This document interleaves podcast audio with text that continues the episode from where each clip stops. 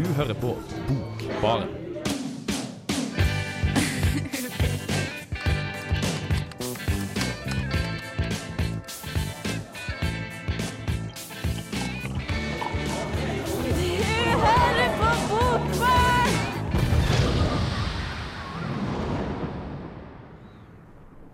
Hei og hjertelig velkommen skal dere være, kjære lyttere, til denne ukas utgave av Bokbarn. Jeg heter Ingrid Kveim Skarholt, og det er jeg som skal være programleder i kveld. Eh, Og med meg i dag så har jeg Kristoffer. Hallo. Hei. Du var med forrige gang også, så dette er din andre sending dette semesteret. Jeg har vært veldig flink. Mm, kjempebra. To av to mulige. Mm. Og, men vi har ikke bare med oss Kristoffer, vi har også med oss eh, Eline. Ja, jeg har ikke vært like flink.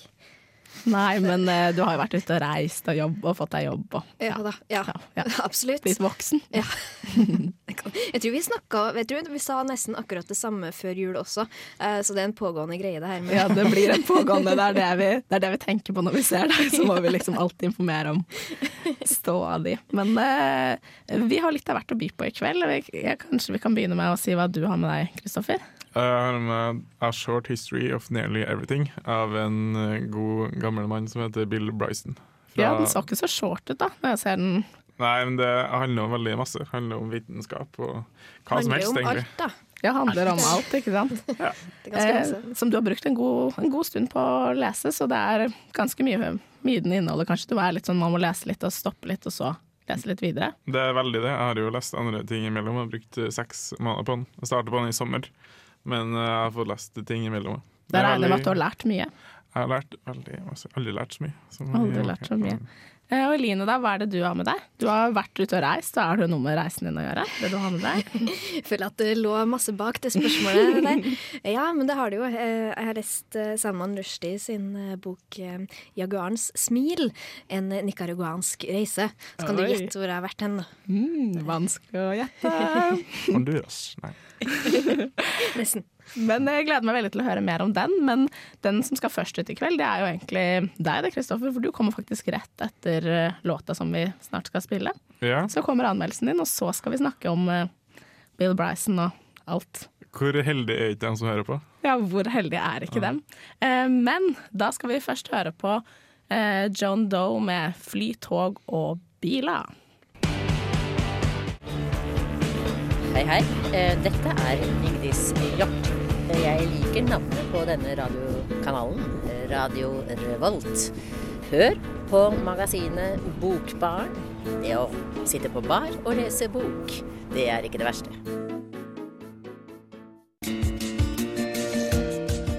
Bill Bryson er en 63 år gammel brumlebass. På starten av disse 40 årene gjorde han mye rart. Han slutta på universitetet, var på loffen rundt Europa i fire måneder, ble en sykepleier i England, gifta seg med henne, jobba på et mentalsykehus, jobba som journalist, sjefsdisker, redaktør, og ikke minst mata oppfostra fire unger. De fleste mennesker ville gitt seg her, ikke Bill Bryson. Han har fått utgitt ni reiseskildringer, fem bøker om språk, tre vitenskapsbøker, en biografi om Shakespeare, tre historiebøker, et memoar om tiden da han vokste opp i Des Moines, og hans desidert mest leste, roste og elskede bok om vitenskapshistorien, pluss, pluss, pluss. Altså A Short History of Nearly Everything. Incidentally, disturbance from cosmic background radiation is something we have all experienced. Tune your television to any channel it doesn't receive, and about 1% of the dancing static you see is accounted for by this ancient remnant of the Big Bang. The next time you complain that there's nothing on, remember that you can always watch the birth of the universe. Ja vel, Kristoffer. Hvorfor er boka er så bra? Jo, den dekker et forferdelig stort område. Universet, solsystemet, matematikk, geologi, dinosaurer, Einstein, atomet, jordklodens oppbygging, vulkaner, bakterier, celler, Darwin, istid, paleontologi og mye annet kunnskapssmågodt. Det er ikke nok til å bli en kjent, populærvitenskapelig bok. Jeg er delt inn i 30 kapitler, men de igjen har tre forskjellige kategorier. Det første omhandler kjente vitenskapspersoner. Det andre er en enkel framstilling av en vitenskap. Den siste er et intervju med en person som vet noe. De tre her blander sammen, for leseren i hvert fall, uten at det blir verken forutsigbart eller statisk. Den er også ufattelig enkel. Jeg er en person som har ganske lite bakgrunn med vitenskap og annen viten. Det er en bok som sitter ganske godt klistra til hjerneparken. It is a slightly arresting notion that if you were to pick yourself apart with tweezers, one atom at a time, you would produce a mound of fine atomic dust, none of which had ever been alive, but all of which had once been you. Bryson har reist ikke bare til andre land, men også til andre steder hjernen veldig få av oss har vært. En fin ting å legge merke til er at den tar med de populære elementene fra USA. Klistrer dem sammen med en jovial britisk humor. Det tar tid å lese The Short History of Nearly Everything. Det er en velkomponert 500 sider lang populærvitenskapelig bok om alt. Om alt. Hele greia. Følte en sterk trang til å lære. Bare lære om hva som helst etter boka. Håper du gjør det også. Consider the fact that for 3.8 billion years, a period of time older than the Earth, mountains and rivers and oceans, every one of your forebears on both sides has been attractive enough to find a mate, healthy enough to reproduce, and sufficiently blessed by fate and circumstances to live long enough to do so. Not one of your pertinent ancestors was squashed, devoured, drowned, starved, stuck fast, untimely wounded, or otherwise deflected from its life quest of delivering a tiny charge of genetic material to the right partner at the right moment to perpetuate the only possible sequence of hereditary combinations that could result, eventually, astoundingly, and all too briefly, in you. Ja, det var eh, The Short Story of Nearly Everything, faktisk. Mm. Det var, ikke, det var ikke lite han tok på seg der, å ta ansvar for å skrive om så mye. Nei, men han prøver å gjøre noe veldig stort, veldig populært. Det er jo det jeg føler han gjør. Selv om det tok veldig lang tid å lese den, så var det veldig godt å lese den også. Du følte at du fikk en god oversikt? Ja, det er sånne små positive ting, som blant annet det, den tingen på slutten der. Som at uh, det er masse folk som har para seg sammen, og så de måtte ha gjort det på det og det tidspunktet. Til at du skal sitte i bokbaren og prate om den boka jeg prater om. Jeg tenker du må få en ganske stor eh, oversikt ut av den boka der, for jeg smugså litt på den i stad. Altså, det første kapittelet heter uh, 'Hvordan lage et univers'. Og det er bare det første kapittelet. Mm. Og så er det ganske mye mer. Ja, det er jo litt som sånn Douglas Adams-bøker. De, eh, hva heter det? 'Hitchhiker's Guide to the Galaxy'. Veldig Ja. fin eh, og enkel eh, forklaring på ting. Det er veldig fint. Veldig greit og grunnleggende å ha det inne, da. Så man har forstått, forstått mye, men samtidig på en god, god måte. Mm, det er bare én ting som man kanskje ville ha lært i en mattetime, som er hva er en potense? En potens? Ja. En ti opphøyd i andre er 100. Er det 100? Ja, 100. Så kom ganger Dragvoll eh, ingen i meg ut. Men, Det så det, er- det, men eh, de fleste ting blir godt forklart, bortsett fra akkurat dette potensen. Ja, kanskje ikke eh, derfor den er så populær, men det er veldig godt forklart. Det beste er at det er sånne små eh, fargerike personer, som eh, blant annet Dmitrij Mendelev, som samla alle eh, kjemigrunnstoffene til en klasse, sånn at folk forsto det lenger. Men han var gal og drakk, og var en veldig bra person. Eller, Så man får virkelig se hvem de vitenskapsmennene egentlig er, da, og begynne å forske litt på hvordan man kanskje skal tenke på den måten selv, eller, Uh, jeg vet ikke. Jeg tror det, det er eller blir man sånn skremt? Er alle gale? Nei, jeg blir ikke skremt, men jeg syns jo de er dritkule. Jeg syns jo andre sånne folk er kule også, men kanskje andre folk blir skremt. Men uh, ja, det er fint. Men du sa nå at du ikke hadde fått sagt så mye i anmeldelsen din om formatet. Er det et spesielt format denne boka er skrevet i? Ja, jeg nevner jo litt at det er i tre forskjellige kategorier, som man egentlig ikke forklarer sjøl. Men f.eks. at uh, et intervju, eller det handler om en uh, morsom person som du ellers ikke får i andre vitenskapsbøker. Jeg har i hvert fall ikke det i mine på Dragvoll. Jeg vet ikke Nei, om du har det på Intervjuer har vi ikke så mye av, nei. Nei. Det har vi ikke. Men jeg leste et sted at det var mange som mente at denne burde være obligatorisk pensum på videregående. Syns du det? Føler du at man Tror du det kan gi noe til folk som ikke er så glad i vitenskap i utgangspunktet, at de får stilt litt sin nysgjerrighet og får på en måte blir ikke skremt av for mye, for eh, hva skal man si, for eh, vanskelig informasjon, men at det er litt lettere tilgjengelig, og at man kan bevare den nysgjerrigheten sin og, uten at det blir liksom for mye å sette seg inn i? Ja, altså absolutt. På videregående så tror jeg det har vært fint med den her lesen på sida. Lese den på siden. Men det burde ikke vært et fag, på en måte, eller tror du det? Jeg vet ikke helt. Jeg vet ikke om eh, folk som lærer fysikk, har lyst til å lære om den personen. Jeg vil bare lære det, og så komme ut og gjøre det.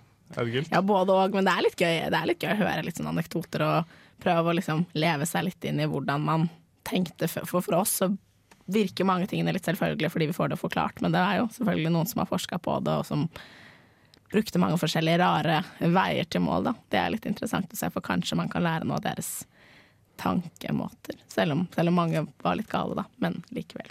Ja, de er jo framstilt litt som, eh, som tegneseriefigurer. Altså veldig eh, Veldig karikerte, liksom. Ja, veldig karikert. Ja. godt ord.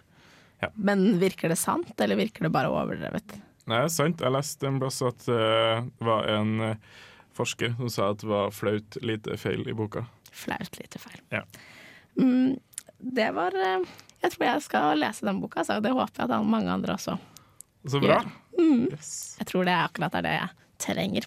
Men vi skal eh, snart skal vi høre om Eline og Nicaragua og ganske mye annet. Men før det så skal vi høre på Sankt Vincent med 'Digital Witness'.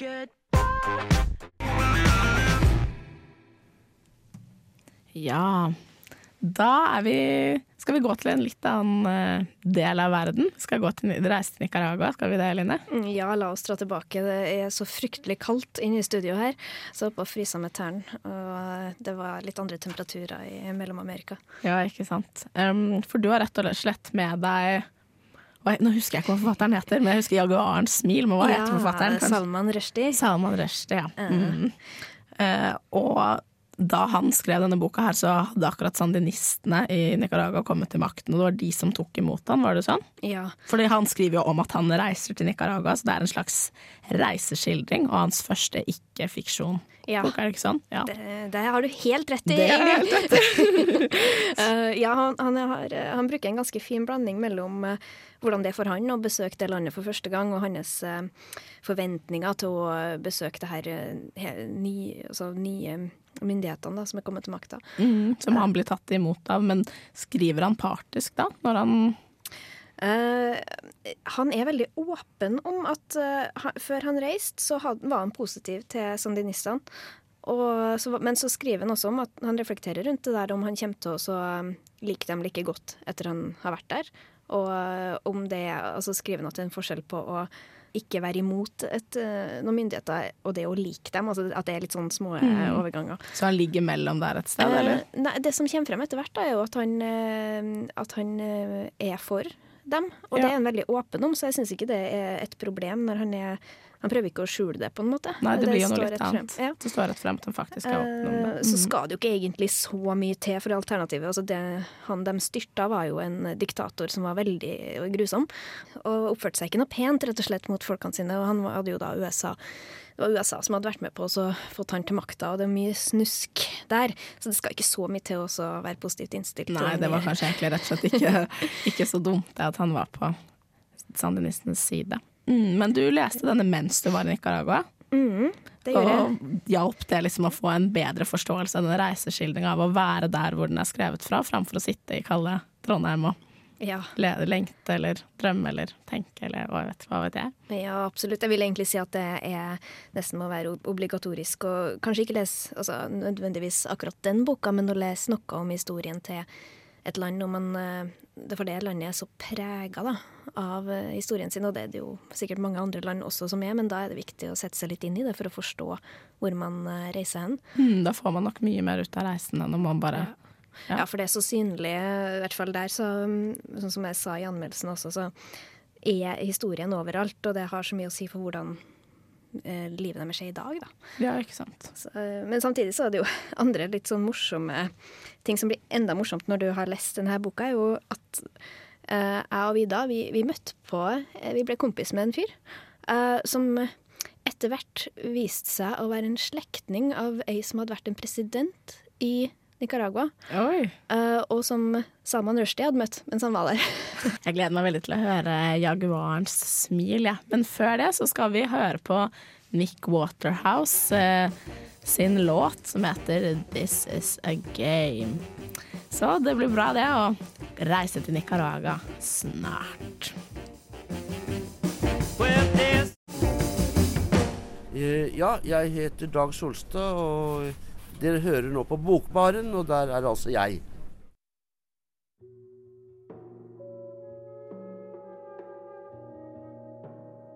There was a young girl of Nicaragua smiled as she rode on a jaguar. They returned from the ride with the young girl inside, the smile on the face of the jaguar. Med dette diktet forfatta av en anonym dikter åpner Salman Rushdies første ikke-fiktive bok, 'Jaguarens smil'. Boka ble skrevet i 1987 etter at forfatteren hadde oppholdt seg en periode i Nicaragua, bare åtte år etter at de revolusjonære sandinistene endelig fikk styrta det nådeløse diktatorregimet til Somoza-familien. Rushdie besøker et land som forsøker å stable seg på beina igjen etter det lange diktatorregimet, og som må takle økonomiske vanskeligheter og en USA-støtta borgerkrig i tillegg til USAs handelsblokade. Han møter lederne for landet, flere av dem mye yngre enn han sjøl. Som Rushdie sjøl skriver i boka si, var det flere mulige jaguarer og små jenter på den tida. Kanskje er jenta revolusjonæren, ung og idealistisk, og jaguaren diktatorveldet med stormakta USA i ryggen. Eller er det jaguaren som symboliserer sandinistene, som lar seg bli styra av jenta, før det hele ender i en blodig revolusjon? Det er en annen virkelighet som møter en vestlig turist, lett henslengt i ei hengekøye, eller kanskje på vei ned en vulkan akende på et brett i dag. Borgerkrig ser vi fremdeles overalt, men som store veggmalerier eller slagord, Sandino vive, på hushjørnene. Heltene er døde, men fremdeles tilstedeværende. Etterdønningene er det fremdeles. Nicaragua er et av de fattigste landene i Mellom- og Sør-Amerika, men turismen er blitt en viktig inntektskilde for landet. Flere demokratiske valg har blitt holdt siden Rushdie var gjest hos den nicaraguanske presidenten. Og jeg ser det som et litt snedig sammentreff at akkurat idet jeg er her, er det den samme mannen, sandinistenes Daniel Ortega, som styrer. Det fungerer også som en invitasjon, eller kanskje heller som et dytt i riktig retning, for å lese Jaguarens smil. Rushdie skriver godt og veksler fint mellom personlige opplevelser og historiske faktaopplysninger i boka si. Det er spesielt nå i etterkant å lese om hans møter både med sandinistene og opposisjonelle makter. Og ikke minst er boka sentral når det gjelder å forstå Nicaragua, et land som fremdeles lever med fortida tett innpå seg.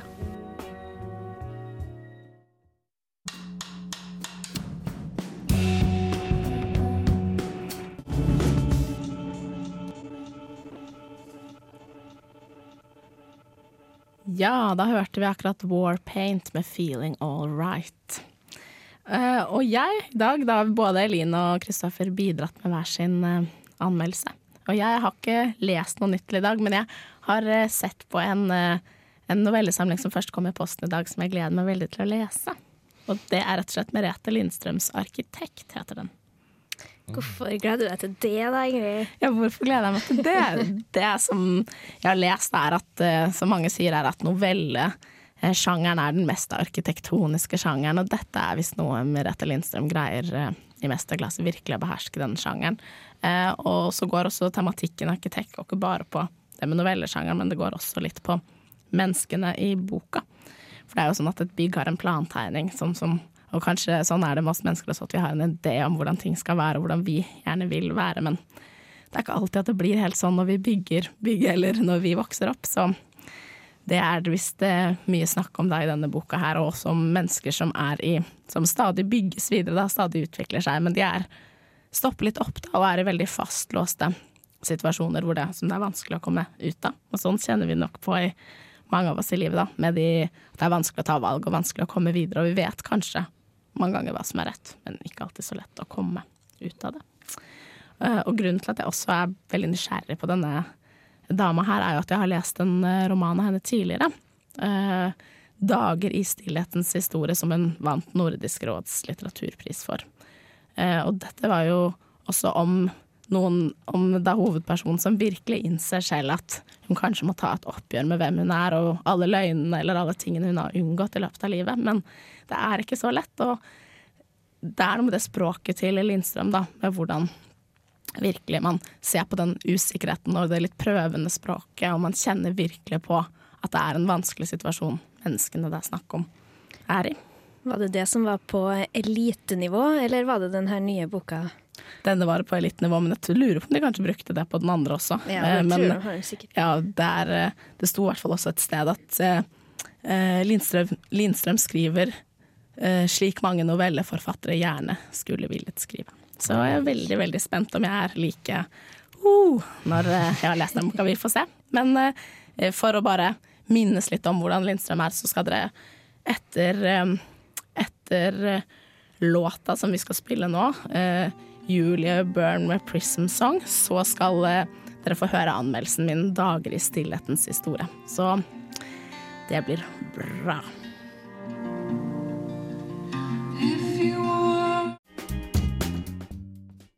Dager i stillhetens historie. Merete Lindstrøms roman fra 2012 er en roman om livets store gåte. Hvem er vi egentlig? Historien fortelles gjennom Evas øyne. En aldrende kvinne med et tilsynelatende normalt liv. Pensjonert lektor i norsk, gift med en lege og mor til tre voksne døtre. Men som i de fleste familier skjuler det seg hemmeligheter og hendelser fortiden har lagt lokk på. Og det er alle disse hendelsene Eva prøver å grave fram. Komme til bunns i, og ikke minst forstå. Vi har løyet så lenge, sier hun. Om alt. Nå fortjener jentene å få vite sannheten. Om oss. Og dem. Men en slik ransaking og konfrontasjon med sitt eget indre er ingen enkel oppgave. Evas mann Simon har begynt å glemme. Mistet språket og funnet tausheten. Eva savner kontakten med mannen. Savner det mennesket hun en gang sto så nær. Mannen hun virkelig elsket. Simon bærer på en stor sorg, som har resultert i flere depresjoner og et problematisk forhold til nære relasjoner. Som liten måtte familien flykte og søke dekning for å unngå deportasjon til konsentrasjonsleire. Mange familiemedlemmer og nære venner gikk bort. Hvorfor gikk han levende ut av krigen? Hun pleide alltid å snakke om det hun hadde pakket, tanten, fordi det var viktig. Noe materialiserer seg gjennom kofferten og dens innhold, en slags ryddighet og trygghet. Kofferten og innholdet vitner om et mulig mål for reisen, der ting blir pakket ut og satt på plass. Klærne skal brukes, sengetøyet skal soves i. Kofferten er en garanti for at dette er en reise i det hele tatt. Som andre reiser i definisjonen av en slik transport inngår alltid muligheten for å dra tilbake dit man startet fra. Men på endestasjonen, der tvinges de ut. Rives av toget sammen med alle de andre. Blir den tatt fra henne. Kofferten slenges i en haug med andres bagasje. Da står hun der, sier Simon. Uten koffert. Står sønnen ved siden av henne. I det øyeblikket hun innser at de ikke kommer til å reise lenger. Eva ga i ung alder bort en sønn. Hele livet har Simon prøvd å finne ham. En mor og et barn knyttes jo til hverandre. Du kan ikke mene at du ikke savner ham eller ønsker å se ham. Eva vil ikke rispe opp i fortiden. Hun vil ikke bli minnet på en tid hun ikke var god. God nok. Men hvorfor oppsøker hun den ustelte graven på kirkegården? Hvorfor blir hun så fascinert av den lille gutten på lekeplassen? Og alle de unge guttene, de triste ansiktene, de grublende, de glade. Kan det være et uttrykk for savn? Gå forbi noen på gata. Se ansiktet, se hvor de bor, kjenne veien de går hver dag, f.eks. For, for å komme til skolen. Se at han går over den. Se at han krysser på samme sted hver dag. Legge merke til trekk. Som at ansiktet er ungt og uferdig. At han kanskje er ti år. Kanskje tolv. Han er bare en gutt i nabolaget. Der er huset hvor han bor, der er skolen han går på. Her er veien han går. Noen ganger går han langs vannet. Jeg har ofte tenkt på ham. Jeg prøver å finne ansiktet hans. Holde det fast i tankene. Ansiktet til den gutten. Han har ikke noe med episoden å gjøre, på samme måte som han ikke har noe med gutten i graven å gjøre. Men likevel har det fått en sammenheng når jeg tenker på det, som om skikkelsene deres er lagt over hverandre. Og igjen tenker jeg på et fotografi. Et fotografi som er feileksponert og viser to motiv, som flyter sammen i en tilfeldig forbindelse. Som det man husker, alltid gjør i bevisstheten. Og inn i denne familien kommer Maria, den latviske hushjelpen som alle blir sterkt knyttet til. Som en nær venn. Hva er det med Maria? Hvorfor ble hun plutselig oppsagt? Vil forklaringen på hennes oppsigelse tvinge Eva og Simon til å fortelle deres historie? Til å finne fram fotografier? Til å skrive ferdig brev? Skal de tre ut av rollene sine som mor og far? Og vise hvem de egentlig er? Som mennesker? Lindstrøms roman er sjeldent vakker og gripende. Språket er poetisk, spørrende og prøvende, og illustrerer godt Evas balanse mellom kjærligheten til ektemannen og døtrene, og angeren for alt det tilbakestengte og vanskelige hun gjerne ville delt før. Men kanskje er det ikke for sent. Kanskje er akkurat ønsket om en feilfri avslutning på livet, uten noe annet håp enn tilgivelse, et tegn på livets største kraft kjærlighet.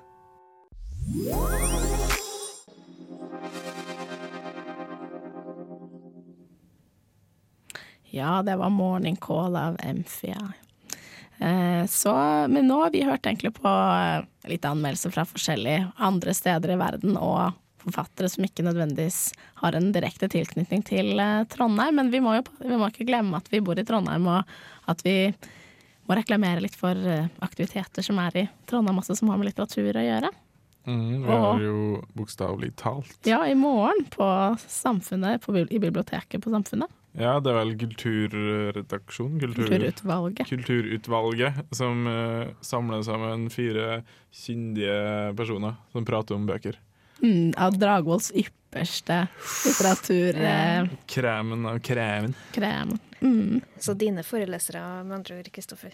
Ja, en jeg hadde i høst, i hvert fall. En ja. som er veldig fin kledd og kommer fra en plass i Norge.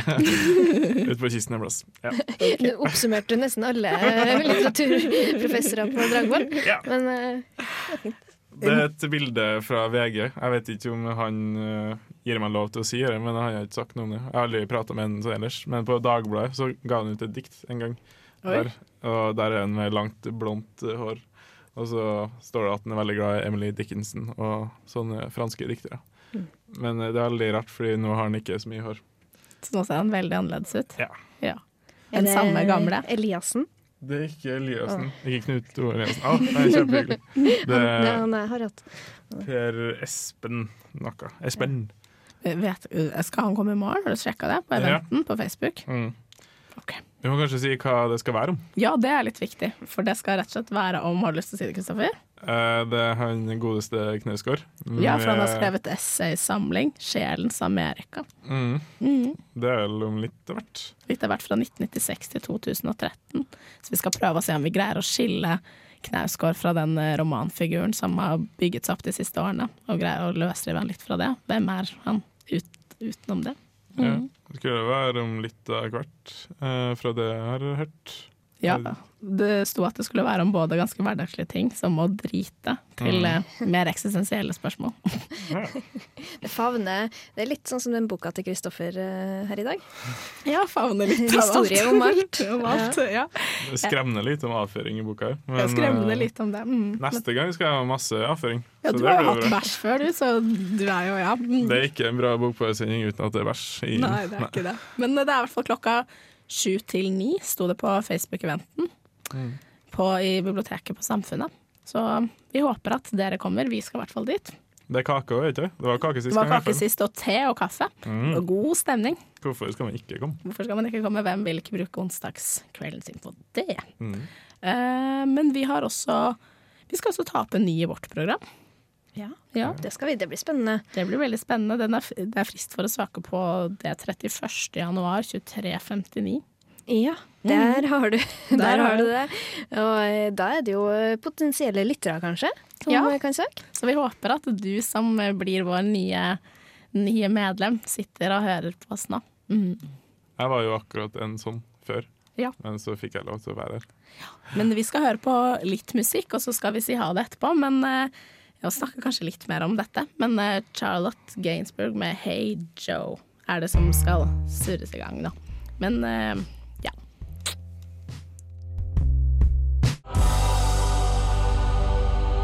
This is Alan Moore, and you're listening to The Book Bar. Ja Da er vi ved veis ende, egentlig, vi ved denne sendinga her. Um, og jeg er veldig glad for at dere har vært med i dag, Eline og Kristoffer. takk. Men uh, dere skal jo være med, være med, neste gang òg, så da er jeg litt spent på hva dere skal ha med dere. Kan dere si det? Bare så vi vet, har noe å glede oss til. Du kan få en liten smakebit. Eh, Jeg skal ha med 'Magnetisørens femte vinter' av Per Olov Enquist. Det begynte jo med at jeg egentlig skulle lese den nyeste boka som er kommet på norsk, som heter 'Lignelsesboken'. han har skrevet. Men den boka har veldig mange referanser til alle andre bøkene han har lest, så da tenkte jeg at det kanskje var greit å begynne med det først. Det er veldig bra. Og Kristoffer, hva med deg? Jeg Skal ha med 'Hitler Painted Roses' av Steve Richmond, som er en veldig bortglemt bok. Det ser ut som noe som er skrevet under på den, eh, men jeg vet ikke om det er faktisk det som har skjedd. da. Det er Charles Bukowski, han jeg hadde med første gangen, som har skrevet forordet. Å, spennende. Og jeg, det hørte jo alle i stad, eh, hva jeg hadde med. Eh, Men jeg vil i hvert fall takke Ja, det er da Merete Lindstrøms 'Arkitekt' jeg skal lese, som jeg gleder meg til. Selv om jeg er like glad i den som de andre kritikerne. Men eh, i dag så har vi vært Line Bjerkan og Kristoffer Ervik. Og jeg selv som er programleder, det er Ingrid Kveim Skarholt. Eh, og teknikeren vår, det har vært eh, Camilla Brenne. Eh, og vi eh, Vi eh, Vi er jo på nett. ja, vi er jo på nett, så det er bare å, bare å høre oss der hvis du ikke har fått fått med hele sendinga. Da er det bare å gå inn på dusken.no. På radio så ligger Bokbarns eh, Bokbarn ligger der. Eh, og vi har også Vi skal jo som sagt ta opp en ny som vi snakket om i stad, og det gleder vi oss til og håper at dere søker. Ja, det oppfordrer alle. Man trenger ikke å være ekspert, bare hør på oss. Mm. Ja, bare så Du kan si hva som helst om bøker, så har du nok noe å bidra med. Det Trenger ikke å si noe engang. Nei, trenger ikke å si noe engang. Bare vær det. Ja. Kanskje si litt. Litt, kanskje. Men det er god stemning. Så Bokbarn venter på deg.